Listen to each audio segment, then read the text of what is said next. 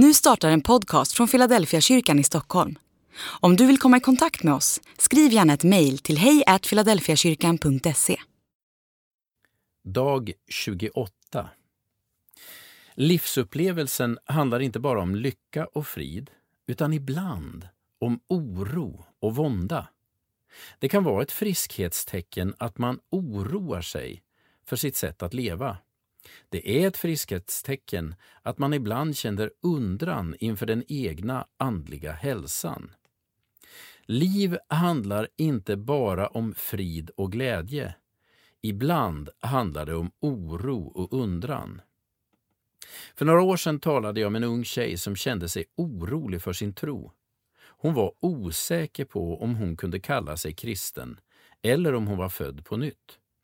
Hon hade ingen avgörande händelse som hon kunde peka på då någon andlig förändring inträffat i hennes liv och då hon hade blivit Guds barn. Förändringen hade kommit smygande, steg för steg, utan några dramatiska händelser.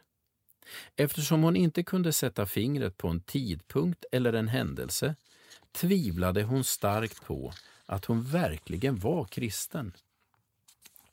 När vi samtalade om hennes situation stod det klart för mig att hon trodde på Jesus som frälsare, att hon ville vara Guds barn. Hon berättade att hon ofta gick på gudstjänsterna och bönesamlingarna. När jag frågade om hon gjorde det därför att hon kände att hon måste så svarade hon att det var därför att hon kände att hon behövde det. Ingen hade talat om för henne att hon borde gå. Hon kände bara en inre längtan efter att få komma nära Gud och få veta mer om Bibeln. Nu hade hon börjat känna oro för om hon verkligen var kristen och Guds barn. Hon undrade om hon var det på riktigt. När jag hade lyssnat klart på henne var jag övertygad om att hon verkligen var Guds barn och född på nytt. Även om hon saknade dramatiska upplevelser att hänvisa till så hade hon mängder av inre tecken på att hon bar ett nytt liv inom sig. Det avgörande är inte att veta exakt när man blev född på nytt, utan att man har det nya livets signaler i sitt inre. Jag försökte tala om för henne att oro också kan vara en signal på det nya liv som Gud har skapat i oss. Att vara född på nytt innebär inte bara att man känner glädje och tillfredsställelse. Ibland kan signaler av oro och undran också vara ett livstecken.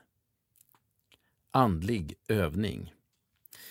Vilka avtryck finns i ditt liv från det nya som Gud har skapat i dig? Är det glädje, oro, tillfredsställelse, kamp, vila? Vad säger dessa tecken till dig? Finns det något du borde ändra på eller tänka på när det gäller ditt andliga liv?